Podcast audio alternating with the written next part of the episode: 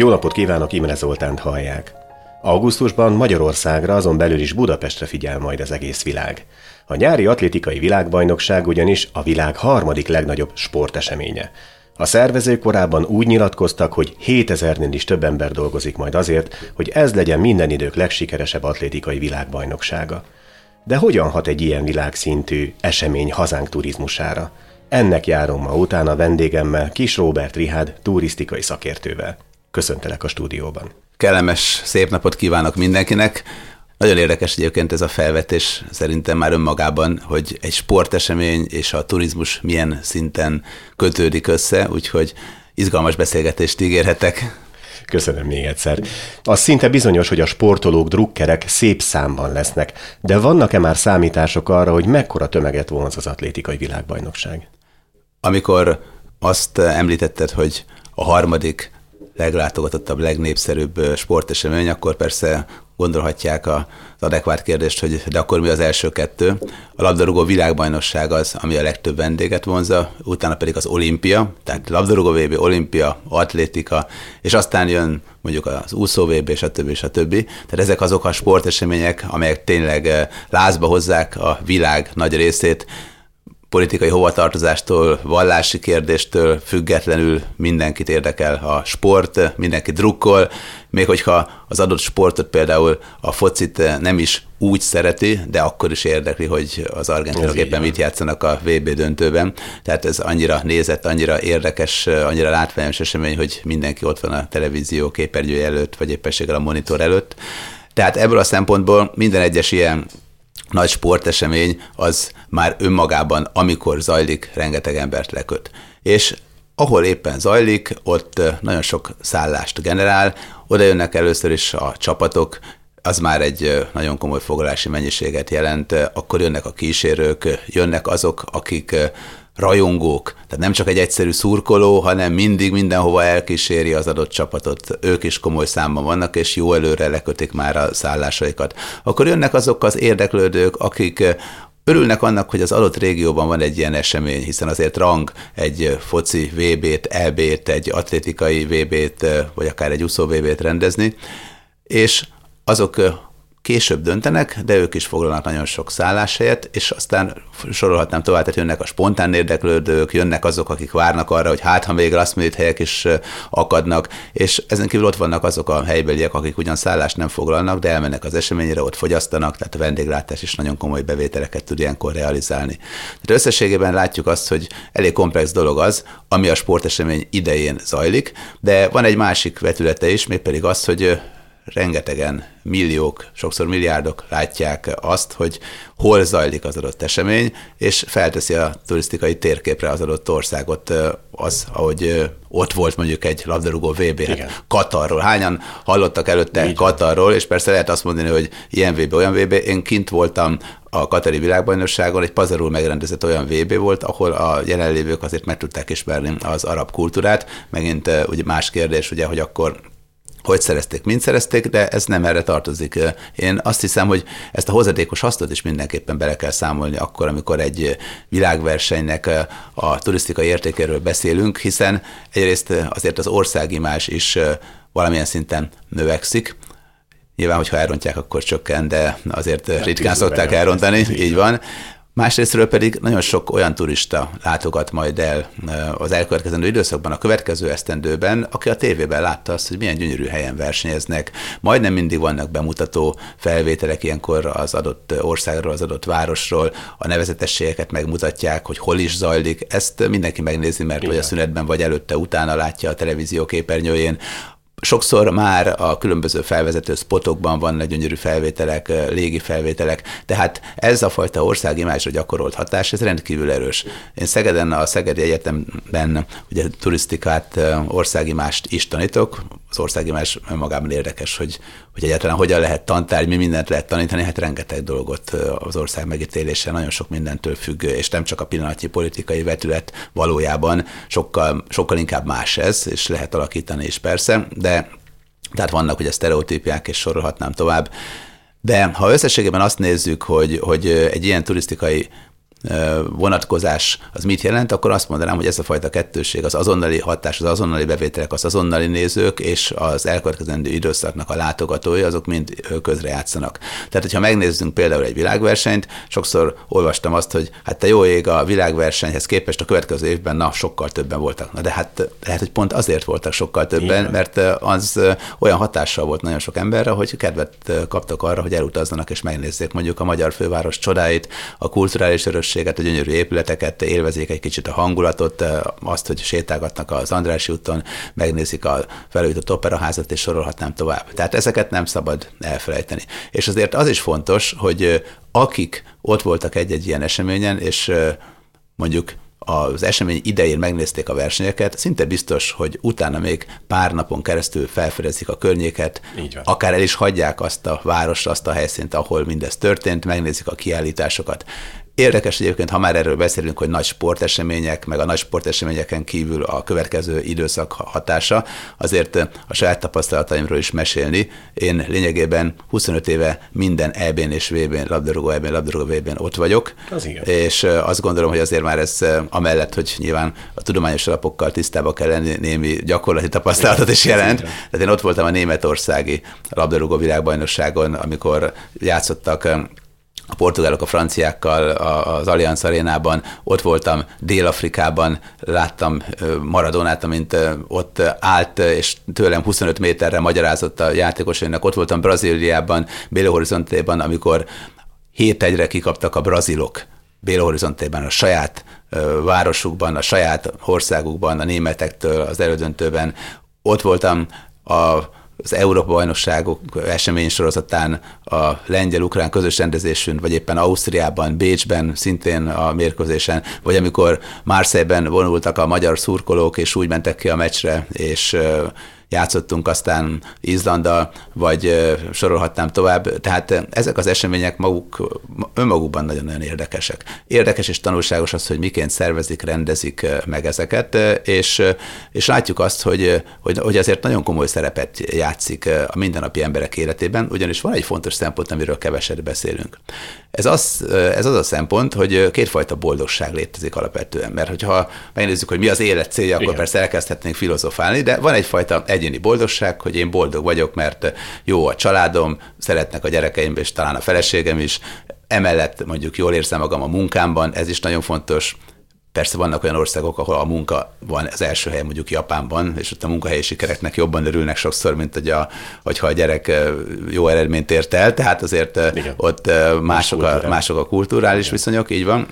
De ugyanakkor van egyfajta közösségi boldogság, és a közösségi boldogság az is a boldogság tudathoz tartozik. Örülünk annak, hogyha mondjuk nyer a csapat, örülünk annak, hogyha olimpián nyer valamelyik magyar versenyző, de belegondolunk, hát olcsóbb lesz ettől a kenyér. Hát most, most, most mi van akkor, hogyha egy számunkra ismeretlen sportban valaki első lesz? Hát akkor mi bum, semmi. Így hát van. miért örülünk valaminek, amire semmilyen hatással nincs a hétköznapi életünkhöz? Hát azért, mert az is a boldogság tudod. Tehát ez pont ilyen, hogy nem tudom, országok küzdenek azért, hogy valamilyen terület az övék legyen. De tulajdonképpen mit érdekel engem, amikor tök más városban lakom, és igazából nekem teljesen mindegy, hogy, hogy a három négyzetméteres területemen túl, vagy, vagy, vagy mondjuk 50 négyzetméteres lakásomon túl mi történik. Még egy kicsit a mikrokörnyezetem érdekel, még mondjuk elmegyek esetleg 10-20 kilométerre, 50 kilométerre, de ugye egyébként itt élem le az életemet. Azt, hogy mondjuk 500 vagy 300 kilométerre odébb most az a Mi miénk, vagy nem olyan, látszólag nem fontos. Hát valójában de fontos. Azért fontos, mert ugye hát így nyer értelmet akár mondjuk a haza kifejezés is, vagy sok minden Igen. más is, hogy van egyfajta közösségi boldogság tudatunk is,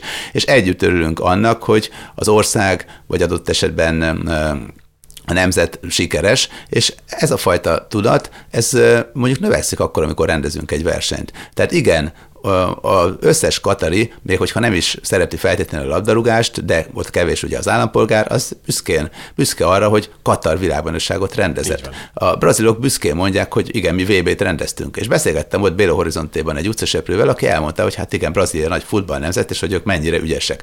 Ő egyébként eh, soha életében nem tudott futballozni, és utcaseprő volt egész életében, és boldog attól, hogy a brazil labdarúgó válogatott jó. Igen. És ettől az életminősége javult. Úgyhogy nagyon érdekes ez, hogy ez a fajta közösségi boldogságtudat, ez eh, növekszik akkor, amikor te eh, elmondhatod a világnak, Igen. hogy te VB-t rendeztél, EB-t rendeztél, sporteseményt rendeztél, és a hangulatot közelebb hozza azokhoz az emberekhez is, akik az életükben nem tudnák megengedni maguknak azt, hogy elmenjenek egy ilyen versenyre. Tehát Katarban azért nézzük azt, hogy, hogy, mondták azt, hogy hát te jó ég, biztos, hogy valamilyen szervezett módon odatták a jegyeket az ottani vendégmunkásoknak, mert hogy tele volt vendégmunkással láthatóan, ugye nem burnuszba öltözött arab sejkekkel a lelátó, és hogy Hát ez egyáltalán nem így volt. Aki valaha is volt világversenyen, az pontosan tudja a fociban, hogy kihalásos alapon lehet jegyhez jutni. Gyakorlatilag már évekkel ezelőtt, amikor ilyen sorsoláson kisorsolják, aztán valaki megszerzés után a kézen közön jobbra-balra, nem mondom meg hogyan, de valahogy nagyon-nagyon-nagyon felárazott módon lehet jegyhez jutni, tehát nagyon nehéz jegyhez jutni. Olyan, hogy üres a stadion, mert, mert nincs igény a jegyre, olyan nincs, nem létezik. Tehát azonnal mindenki megvesz minden jegyet, és örül annak, hogy van jegy. Pláne akkor, ha eleinte úgy engedték be Katarba az embereket ebben az időszakban, ha volt meccsjegyük, tehát a meccsjegy az azonnal el kell. Nincs olyan, hogy, hogy üres hely, és akkor valakinek Igen. oda kell adni. Hát a valóság az az volt, hogy a vendégmunkások nagyon örültek, hogy részt vettek egy ilyen eseményen. Ott dolgoztak Katarba, tudták, hogy fantasztikus ez a VB, mert látták a hajókat, amint ott sorakoztak a különböző országok hajói a tengerben, és akkor ott mentek egymás mellett, látták a kulturális kiállításokat, hallották a zenét, nézték a kivetítőn a meccseket, érezték a hangulatot, és örültek annak, hogy ők hozzájuthatnak köszönhetően a cégüknek viszonylag elérhető áron mesjegyekhez, és ezeket a mesjegyeket megvásárolták, és elmentek, és ők is részesei voltak Igen. egy ilyen eseménynek. Maguktól, mert örültek neki, bármilyen hihetetlenek tűnik. Tehát az azt gondolom, hogy tehát a, a foci meccs, meg, meg ez a fajta esemény, ez olyan dolog, mint mondjuk a színház, hogy tehát büntetésből ritkán szokták Igen. adni, hogy menjél ki, hogy legyenek ott sokan, hanem örülünk annak, hogy egy ilyennel részt vettünk. Tehát ott is ez történt a valóságban, hogy, hogy akik ott dolgoztak, és nem feltétlenül olyan körülmények között, mint amit mondjuk egy német gyári munkás kap, legyünk realisták, azok részesei voltak egy fantasztikus világveseménynek, és ettől boldogok Igen. lettek, és jól érezték magukat. Úgyhogy azt gondolom, hogy az is fontos, hogy ha Budapesten egy ilyen esemény találkozunk a hírességekkel, akár úgy, hogy oda megyünk a stadionhoz, és nem kaptunk jegyet, vagy nem akartunk, vagy nincs pénzünk, de, de látjuk azt, hogy ki van ott, csinálunk egy fotót, érezzük ezt a hangulatot, már önmagában egy kicsit jobb, mert történik valami, és úgy érezzük, hogy, hogy érdemes élni, érdemes szórakozni, benne vagyunk a körforgásban, és nem csak arról szól a dolog, hogy jobbról balra pakolok valamit a munkahelyemen. Felkészült erre a hazai vendéglátók, idegenvezetők és szállásadók egy ilyen VB-re? Azt hiszem, hogy mondhatjuk, hogy igen, hiszen azért már rendeztünk jó pár nagyobb eseményt. Látjuk azt, hogy a Forma 1-től kezdve az úszó világbajnokságon át az Európa Liga döntőjéig, vagy akár a labdarúgó EB mérkőzéseig nagyon sok mindent rendeztünk, és az volt a tapasztalat, hogy igen, és látjuk azt is, hogy ha ma magyar főváros nézzük, akkor most Budapesten a szállodai kínálat az nagyon jó. Egymást követően nyíltak újabb és újabb luxus szállodák, az ötcsillagos szállodáknak a száma megemelkedett, de önmagában persze mondhatjuk azt, hogy és akkor mi történik? Hát az történik, hogy egyébként nem csak egy sima ötcsillagos növekedés volt, hanem nagyon komoly minőségi és szolgáltatásbeli emelkedés is történt. Itt azért már Budapesten kapásból lehet mondani 10-12 olyan szálláshelyet, ahová még azok is el tudnak menni, akik egyébként ahhoz szoktak hozzá, hogy Dubajban is csak a burzs elarabnak a, lakosztályaiban dolgoznak és laknak. És most Budapest igazából egy, azt kell mondanom, hogy top úti cél a világban.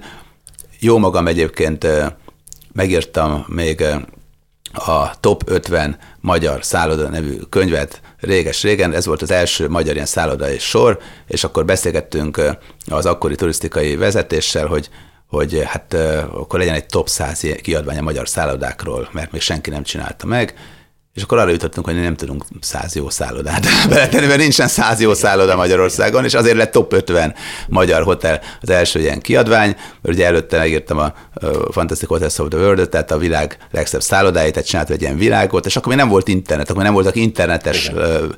rangsorok, nem volt még Leading Hotels of the World, tehát nem Igen. volt egy csomó minden, ez Igen. akkoriban úttörő dolognak számított, de nem tudtam összeszedni száz magyar szállodát, és 50 magyar szálloda lett, és például volt olyan, hogy, hogy hát Szegedi szálloda az nem került be. És nekem nagyon szimpatikus volt egyébként, és Szeged a kedvenc városom, bár Sopronba születtem, Sopront is imádom, de Szegedet nagyon szeretem. Nekem nagyon szimpatikus dolog volt az, hogy nem azt mondták, hogy te jó ég, hát milyen ember ez, hogy nem tesz bele szegedi szállodát, hanem az volt, hogy akkor hogyan kéne fejlődni. És olyan szinten fejlődtek, hogy manapság a szegedi idegenforgalom az már, az, az már, az már nagyszerű, és, és tényleg hihetetlen jó szakemberek kerültek Igen. oda, nagyon-nagyon sokat tettek azért, hogy Szeged most már a turizmus tekintve élen járó, tehát tényleg, tényleg nem véletlenül járok oda, és azt kell mondanom, hogy a turisztikai tanszéktől kezdve egészen az ottani egyik ismert utazási irodáig logisztikailag mindenben annyit fejlődtek az elmúlt húsz év alatt, hogy, hogy öröm nézni. Szóval azt látom, hogy nagyon sokat fejlődött általában a magyar idegenforgalom,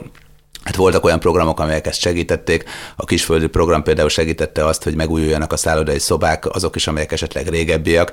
Hát Las Vegasban ugye ez úgy működik, hogy időről időre padlóig lebontanak, vagy akár fel is robbantanak szállodákat, mert egyszerűbb úgy megcsinálni modernre, mint állandóan renoválgatni. Hát nálunk ez azért költséges mulatság lenne, úgyhogy mi mindig egy kicsit csinosítgatjuk a régi retro hoteljeinket is, és, de azért erre legalább volt forrás, és lehetett vele valamit kezdeni.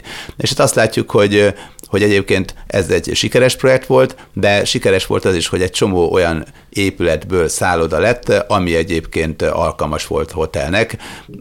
Egyébként, hogyha a régeket nézzük, akkor tudjuk jól, hogy a, a rendőrkapitányság, a rendőrfőkapitányság épületéből most ugye Ritz-Carton lett, látjuk azt, hogy az egykori biztosítási székházból, meg szálloda a Blahalújza tér mellett, most már ugye nem New York Palace Boszkolónak hívják, de az volt régen. Aztán látjuk azt, hogy Four Seasons lett, megint csak egy biztosítási épület volt, meg egy galéria, meg egy bevásárlóközpont, ugye azért van olyan nagy kapuja, hogy a kocsik is be tudtak rajta menni.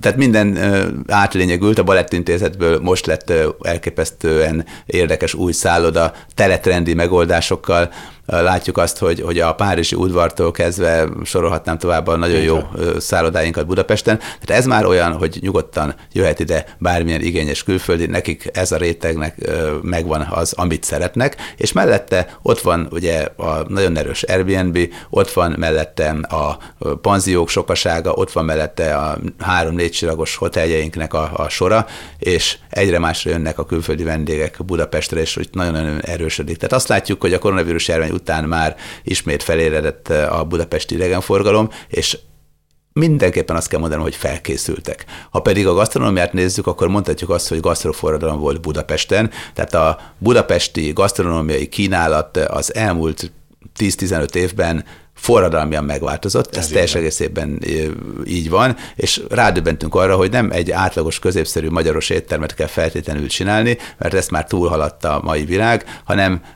bőven van hely különböző ízvilágoknak, Igen. különböző konyháknak, különböző trendi helyeknek. Nem véletlen az, hogy most már Michelin csillagok röpködnek itt ugye az éttermeknek, és látjuk azt, hogy, hogy igen, van közönsége bőven, és nem csak a külföldiek ezeknek a helyeknek. Most már van olyan sushizó, ahová bátran elmehet olyan is, aki Los Angelesben járt előtte, vagy Tokióban, és ott sushizott, most már elmehet nyugodtan valaki három-négy-öt nagyon jó étteremből választani, hogyha előtte a francia rivierán nyaralt, tehát ezt a réteget is kiszolgáljuk, de ugyanakkor azt a középréteget is, amik azt mondja, hogy hát én Budapestre jövök, szeretnék megnézni valami kulturális előadást, vagy el akarok menni a Magyar Zeneházába, és utána egy igazán jót vacsorázni. Tehát, tehát most már tényleg szegmentált lesz a, lett a kínálat. És ebbe belefér az is, hogy egyébként én sokszor elmegyek a Fény utcai piacra fitness lángos tenni, ami olyan, hogy van egy nagy lángos, és a közepére teszünk véres furkát, és félve hajtjuk, és akkor véres furkát teszünk a barátommal lángossal, ami az asszony szerint értelmetlenné teszi azt, hogy konditerembe járok. De azt kell mondanom, tehát, hogy, hogy tényleg, hogy ilyeneket is lehet kapni, ez, ez azt jelenti, hogy lényegében minden rétegnek kínálunk valamit, azoknak is, akik fapados repülőjárattal ideérkeznek, és megpróbálnak minél olcsóbban kijönni, azoknak is, akik a luxus tudásra vágynak, és ezt már tudjuk hozni. Ez nem lesz más, hogy azt gondolom az atlétikai világbajnokság idején sem. Már jó pár világversenyen bizonyítottuk azt, hogy a budapesti vendéglátás, a budapesti uh, szállodaipar erre felkészült. Arra kell majd figyelni, persze ugye jó tanácsot adni könnyű, de azért szerintem nem reménytelen, hogy meg kell nézni, hogy hol várható forgalom növekedés, ott akár, akár az önkormányzatok is segíthetik, hogy tovább tudjanak nyitva tartani a vendéglátóhelyek, nagyobb legyen a kínálat. Tehát azért láttuk azt, hogy egyszer-kétszer fordult elő az, hogy ahol a szurkolók így beözöllöttek, akkor hamar elfogyott mondjuk a sör, víz, stb. Igen. Tehát fel kell erre készülni, kell. figyelni kell erre, még jobban össze kell, hogy szedjük magunkat, tehát fel kell rá készülni, oda kell rá figyelni, de a kínálat, a lehetőségek, a vendéglátóhelyek, a szálláshelyek, azt kell mondanom, hogy most már olyanok, hogy talán Prágát és, és Pozsonyt és a ilyen klasszikus bezzek területeket, azokat mind-mind veri. Hát Bécs azért még jó pár helyen előttünk jár, de már azért ott is közelítünk. Van-e arról információ, felmérés, hogy mekkora összegeket költenek ilyenkor az atlétikai rajongók? Természetesen manapság már mi létező összes dolgot felmérjük, és megnézzük azt, hogy, hogy ki mennyit, merre, hogyan költ. Összességben azt mondhatjuk, hogy a sporteseményre érkezők azok az átlagos turistánál többet költenek, ez természetes, hiszen ha már megveszi a jegyet valaki, és ott vásárolja meg a sört, vagy kólát, vagy bármit, amit éppen lehet Igen. kapni, akkor már az eleve olyan, hogy, hogy akinek erre nincs pénze, az nem oda megy, hanem fapados járattal megérkezik, és a Dunaparton csodálja az épített örösségünket. Tehát általánosságban többet költenek, 20-25 némely esetben 40 kal is. Nyilván ez sem egy homogén közök, közeg, azért azt tudni kell, tehát nem azt jelenti, hogy mindenki jön, és akkor elkölti a 112 ezer forintot, hanem van olyan, aki lényegében kimegy a versenyre, ott fogyaszt, ott elkölti a pénzt, a szálláshelyen vacsorázik, és mellette megnézi a kulturális értéket, maximum néhány múzeum belépőt, egy-két üdítőt iszik, és nyilván olyan is van, aki mondjuk panaszkodik, hogy az Andrássy úton a Louis Vuitton kínálata nem elég jó, és mondjuk átrutszan Bécsbe, ez egy konkrét példa volt egyébként, bár hozzáteszem, egyébként szerintem örülök, hogy egyáltalán van ilyen márkánk, mert nagyon kedvesek és jók ott, úgyhogy összességében még nyilván van hova fejlődni, de de látjuk azt, hogy, hogy, hogy itt is nagyon eltérő a közönség, aki szereti az atlétikát, és átlagosan jóval többet költenek egy hagyományos turistánál, százalékban is mérhető, és ez nyilván plusz bevételeket jelent majd a hazai szolgáltatóknak, és most egy kicsit ki is léphetünk az idegenforgalmi szolgáltatók köréből, hiszen ha megérkezik ide az atlétikai világbajnokságra egy turista, akkor az nem feltétlenül csak eszik, iszik, alszik, meg múzeumba jár, meg az atlétikai VB mérkőzéseire, hanem nyilván bevásárol. Még az Andrássy út üzleteit, ugyanúgy meglátogatja, mint mondjuk a Fashion Street környékét, ugye vannak klasszikus turisták által kedvelt bevásárlóközpontok, és ott azért nyilván a forgalomban ez jelentkezni fog, hiszen úgy alapesetben a július-augusztus az nem feltétlenül arról szól, hogy hogy mondjuk kiugró lenne a bevétele itt a szolgáltatóknak, hiszen az inkább a december, a karácsony előtti nagy bevásárlások időszaka, de az biztos, hogy ez mindenképpen jót tesz a gazdaságnak, a szolgáltatóknak, meg hát nyilván azoknak is, akik ide jönnek, mert örülni fognak a termékeknek. Karácsony Gergely főpolgármester 2021 óta lényegében folyamatosan vétózza az atlétikai VB megtartását.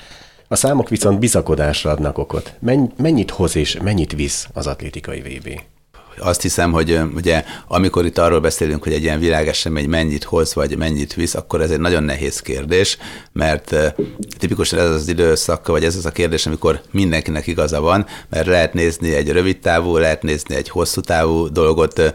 Az kétségtelen, hogy azért a sportvilágversenyek azok nem arról szólnak, hogy most csinálunk rentábilisan valamit. Tehát nem azért szervezünk egy atlétikai VB-t, nem azért szervezünk egy foci VB-t, vagy nem azért szervezünk egy, egy Európa-bajnoksági rendezvényt, hogy abból mondjuk végül profitábilisan kerüljünk ki. Én még olyat nem nagyon láttam, hogy valaki hatalmasat kaszált egy, egy nagy versenynek a megrendezésén, rögtön a verseny megrendezésekor. Ezt nyilván nem az én tisztem, mint turizmushoz értő ember eldönteni, hogy most ezt akarják vagy nem akarják a politikusok, ezt, ezt meccseljék le egymással. Az biztos, hogy, hogy hogy én azt látom, hogy amikor azt mondjuk, hogy megtérül-e például mondjuk egy kulturális központnak a létrehozása, vagy felújítása, vagy egy sportesemény megrendezése, ez nagyjából olyan, mint hogyha azt néznénk, hogy a szülnapi partid megtérül-e, és visszajön-e az a, annak a hozadéka. Hát abban biztos nem fog visszajönni, hogy kevesen szoktak a szülnapi partin komoly belépőt kérni, meg kilépőt a rokonságtól, hogy akkor ez mégiscsak menő legyen, meg az esküvőn se szokott összejönni a teljes költség a mennyasszonytáncból. Tehát azt gondolom, hogy egy esemény az arra is jó, hogy úgy hosszú távon nézzük ezt a fajta megtérülést, a megtérülés az a születésnapi partin, hogy szeretni fognak az emberek, jól érezzük magunkat a kapcsolatunkban, az életünkbe, és emlékezünk rá sokáig, és nő a boldogság érzetünk. Hát itt is azt gondolom, egy, egy világeseménynél örülünk annak, hogy ezt a csodát megélhettük, és amiről beszéltem az elején, ez a fajta közösségi boldogság tudat, ez növekszik, és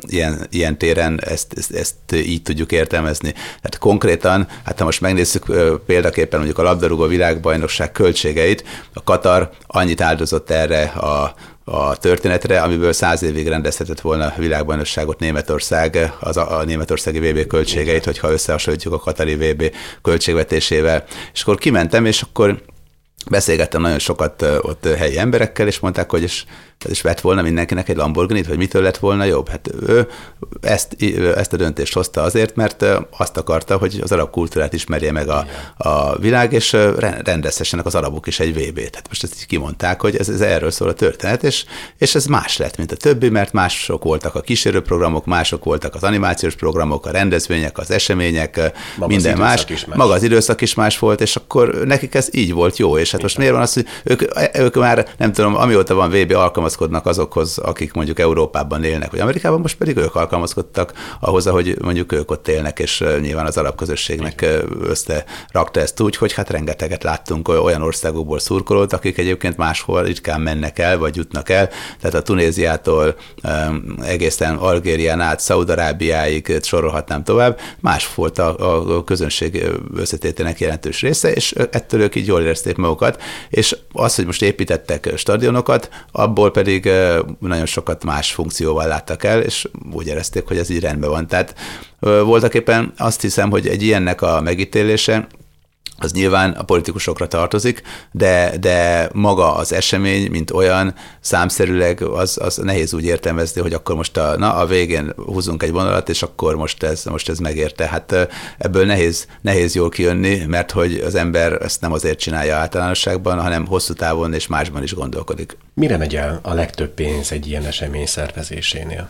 Hát először is, hogyha jogdíjas eseményekről van szó, akkor arra, hogy kifizessük azt, amibe ez kerül, mert ne felejtsük el, hogy a Forma 1-től kezdve mindenhol a szervezők önmagában vagy jogdíjat kérnek, vagy pedig bizonyos bevételeket megtartanak saját maguknak, tehát önmagában ugye abból élnek a hatalmas nagy sportszervezetek, hogy ugye ezeken kaszálnak, most mondjuk ki, és Hát nyilván a legkülönbözőbb szerződés variációk vannak, de az biztos, hogy ők, ők jól fognak kijönni ezekből a történetekből, Igen. és ez most is igaz. Tehát nyilván ez egy komoly költség. Hát komoly költség nyilván maga a helyszín is. Tehát ez megint csak egy sportvezetői döntés, hogy most akkor keresünk valami régi helyszínt, vagy építünk egy csillivili újat, és hol szervezzük, mind csináljuk.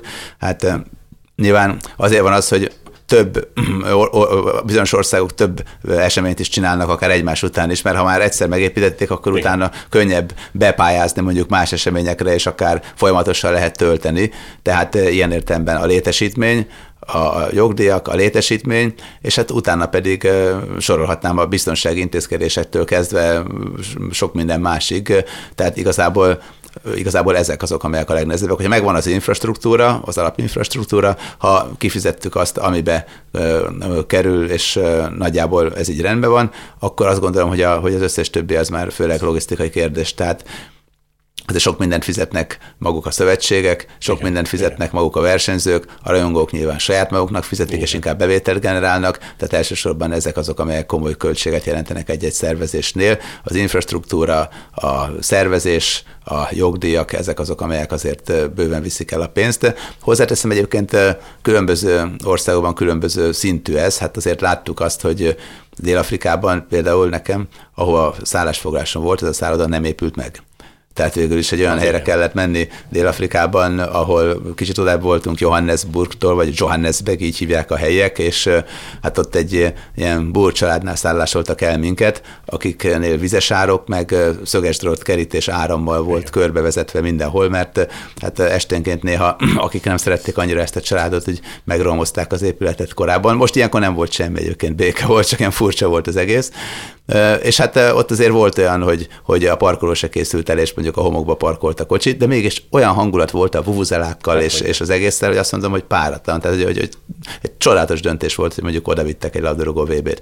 És most itt is azért nagyon érdekes Katar esetében is, hogy az egyik oldalon látjuk azt, hogy hát mondták, hogy hát mennyi vendégmunkás halt meg, ami azóta, mióta bejelentették a, a, azt, hogy Katar megkapta a rendezési jogot, és akkor megkérdeztem, hogy hát ez meg hogy van ott a helyszínen nyilván, mert már volt olyan, mint a harmadik nap után már mindent lehetett kérdezni, akkor jóba voltam a helyiekkel, és hát mondták, hogy Hát igen, ennyi vendégmunkás meghalt, de nem azért halt meg, mert, mert a, az építkezésekről lezuhant, vagy bármi oknál fogva, hanem azért, mert sok a vendégmunkás, és sokan meghalnak általában. És ez igaz volt, mindegyik oldalnak volt az igazsága, csak nem mindegy, hogy hogyan tálaltad. Úgyhogy azért ez is hozzátartozik, hogy nyilván a kettő közül mindegyiket meg kell nézni, aztán valahol kihámozzuk az igazságot, de ha azt nézem, hogy mit nyújtott egy olyan átlagos labdarúgó szurkolónak Katar, aki már önmagában nem átlagos attól, hogy ki tudja fizetni a repülőjegyet meg a szállásköltséget, akkor tényleg pazar, mind az infrastruktúrában, az új buszokban, stb. stb. És hát látjuk azt tényleg, hogy, hogy azért ezt, ezt nem olyan egyszerű megszervezni, nem olyan egyszerű ezt összerakni.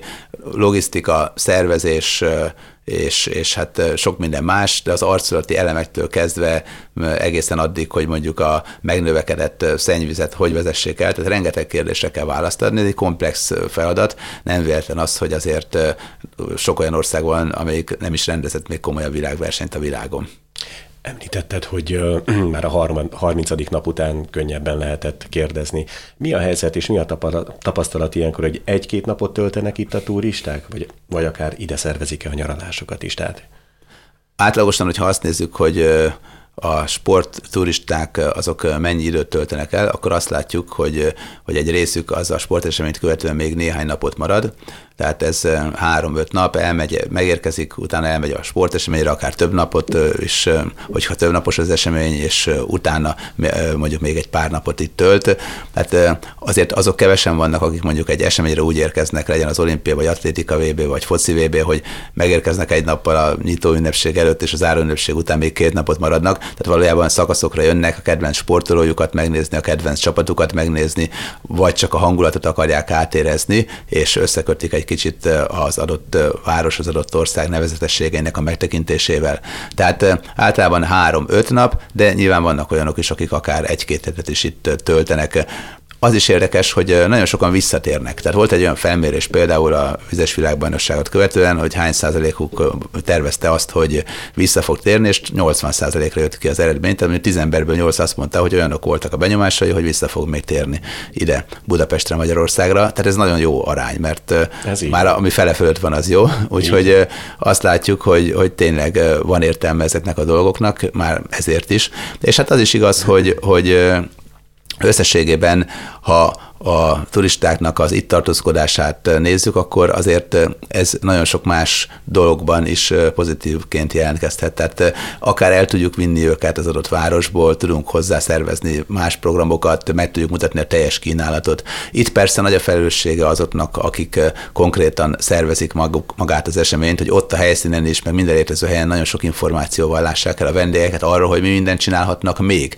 Egyébként érdemes az Egyesült Államoktól tanulni nagyon sokat. Tehát ott a különböző különböző államoknál, amikor átléped az országhatárt, akár egy autópályán, már vannak olyan helyek, hogy a benzinkutaknál idegenforgalmi hivatalok működnek ingyen kávéval, ingyen helyen, vagy rögtön az államhatárnál, és ott Igen. már látod a kuponfüzeteket, vagy az internetes lehetőségeket, Igen. meg minden mást, hogy ide menjél, oda menjél, ezt csinálhatod, azt csinálhatod, tehát ott rögtön mondjuk, ha bemész egy szolgáltatóhoz, már ott egy másik szolgáltatónak a szolgáltatását is kínálja, tehát van egyfajta ilyen szolgáltatási lánc, tehát itt például jó pár szállodában nálam hiányolom azt, hogy megérkezünk a szállodába, akkor nem kapok a kezembe egy, nem tudom, 20 darab programfüzetet erről, arról, arról, hogy milyen Igen. csodák vannak itt, tehát ezt még lehetne hova fize- fejleszteni, az internetes kapcsolódási pontokat is lehetne hova fejleszteni, az egymásra épülő szolgáltatási kínálatot lehetne hova fejleszteni. Tehát nyilván van még tendőnk bőségesen, hogy egy kicsit a, a kínálatot megmutassuk a turistáknak, de azt gondolom, hogy attól még az irány az jó. Mi a hosszú távú hatása a világbajnokságnak? Itt most én a helyi társadalomra nézem, vagy betítem. Lehet-e az, hogy, hogy a fiatalok talán jobban kötődnek majd a sporthoz? Többet fognak esetleg mozogni, vagy esetleg kiemelnek bizonyos részeket, ugye a, az atlétikai világbajnokságban, hogy na most én akkor szaladni fogok, vagy gátfutás, vagy bármi más, mert ezt látták a tévében, és rengetegen jöttek rá. Ilyen hatása minden egyes világversenynek van, amikor a vízilabdában olimpiai bajnokok lettünk, emlékszem, hogy akkor az ismerőseim közül többen elkezdtek vízilabdázgatni ilyen amatőr szinten, hogyha valaki mondjuk rajongó és látja, hogy van egy jó focistánk, akkor ő is elkezd esetleg focizni. Már Szoboszlainak a karrierje már most nagyon sokakat ösztönöz arra, hogy ők is elkezdjenek a focival foglalkozni. Tehát ezeknek a hatása, ez a mindennapokban érezhető, és nagyon is fontos, mert én például nagyon szeretek sportolni, én a mai nap is megyek majd két sportra is, megyek majd focizni is, focizni és kosarazni is rengetegszer járok, és hát szoktam versenyeken is részt venni még, és egy picit fura volt számomra, hogy egyszer elmentem egy ilyen középiskolás táborba, ahol 16-17 évesek voltak, és játszottunk streetballt, és gyakorlatilag senki nem tudott minket megverni. És, de ez nem azt jelenti, hogy olyan jól tudnánk játszani, hanem azt jelenti, hogy, hogy azért eh, emlékszem, hogy a saját korosztályunkban én, én tényleg örültem, hogy egyáltalán nem tudom, a pálya szélén állhatok. Tehát most azért eh, sportban szerintem vannak kiemelkedő fiatalok, akik nagyon erősek, de nagyon szétszakadt a mezőny. Tehát nem az van, mint nálunk, hogy én azért lejártam focizni, kosarazni minden nap gyerekkoromban, és tudtam olyan szinten, amilyen szinten tudtam, és mindegy, de, de próbálkoztam a magam kis... Csináltam valamit, és akkor ez megmaradt bennem, most már azért nagyon sok év eltelt sajnos, vagy szerencsére, mert azért boldog családban élek, de, de megmaradt bennem, és azért azt látom, hogy most azért az internet világában sokan választják inkább azt, hogy még mobiloznak három órát, mint hogy elmenjenek sportolni. Tehát ezért is van komoly felelőssége egyrészt azoknak, akik a nevelésben dolgoznak, és ezért van fontos szerepe egy ilyen sporteseménynek, hogy egy picit kizökkentse a számítógépezés világából a fiataloknak legalább egy részét, tehát van, akinél szerintem ez szinte esélytelen, mert a szülőt se érdekli annyira, de de ez az, az a lényeg, hogy igen, fussunk, dolgozzunk, mozogjunk, labdajátékot űzzünk, atletizáljunk bármilyen szinten. Igen. Az, hogyha elmegyünk a Margit szigetre és futunk egy kört, már az egészségi állapotunk javulni fog. És ez hosszú távon nagyon-nagyon-nagyon jó, mert amellett, hogy az egészségi állapotunk növekszik, egy kicsit akkor nem terheljük az egészségügyi ellátást, nem lesz annyi problémánk, bajunk, jobb lesz a közérzetünk, általánosságban jobban érezzük magunkat.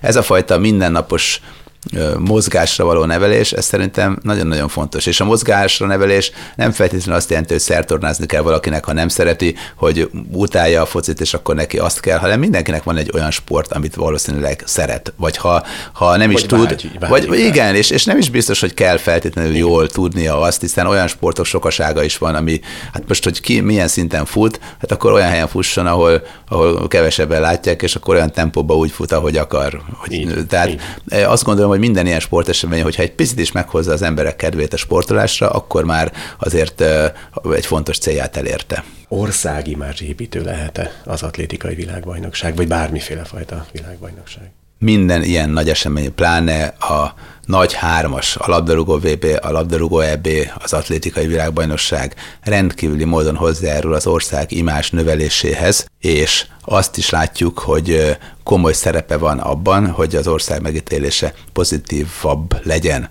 Hát nyilván a kiinduló pont sem mindegy, de látjuk azt, hogy ha jól sikerül megszervezni egy ilyen eseményt, ha a turisták jól érzik magukat, hogyha a televízió képernyőjén azt látják az emberek, akik figyelik az eseményeket, hogy gyönyörű tájak vannak abban a városban, abban az országban, szép a kulturális örökség, érdekes maga a történet, akkor mindenképpen pozitívabban fognak gondolkodni az adott országról és az adott országban élőkről.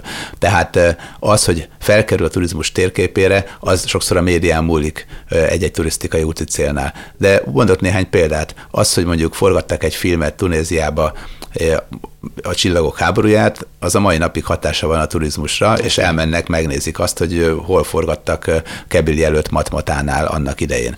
Lényegében a Petra nevű Nabateus város Jordániában onnan lett ismert, hogy az Indiana Jones egyik epizódjában szerepelt, és a mai napig abból élnek szinte, hogy szerepelt ott egy televíziós meg egy, meg egy mozifilmben, meg egy televíziós alkotásban.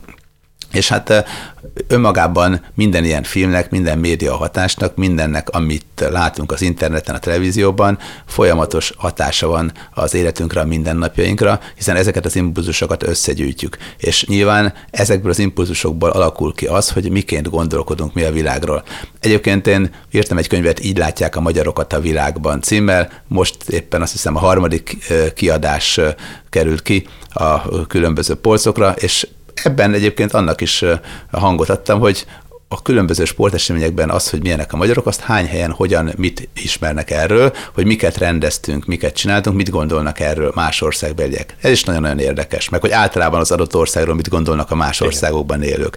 Tehát azt látjuk, hogy igen, fontos szerepe van az országi más növelésében, erősítésében, és ez a szerep ez egyáltalán nem lebecsülendő. Tehát azt hiszem, hogy ha szervezünk egy ilyet, csinálunk egy ilyet, és jól fog sikerülni, és azért ehhez minden feltétel adott, akkor általánosságban a megítélésünk is egy kicsit pozitív lesz, és végre azt mondhatjuk megint, hogy na ezt is jól meg tudtuk csinálni, de hozzáteszem egyébként, hogy ha a világban megnézzük a különböző országokat, ahhoz képest, hogy mi mit gondolunk arról, hogy milyen a megítélésünk, meg mit kapunk mi a médiából vissza, és ehhez képest pedig, hogy ha az adott országba ténylegesen elutazunk, és ott mit látunk, akkor azért pozitívabb a kép. Tehát mi általánosságban legendásan pessimisták vagyunk, és a saját magunk megítélésében is egy kicsit pessimisták vagyunk.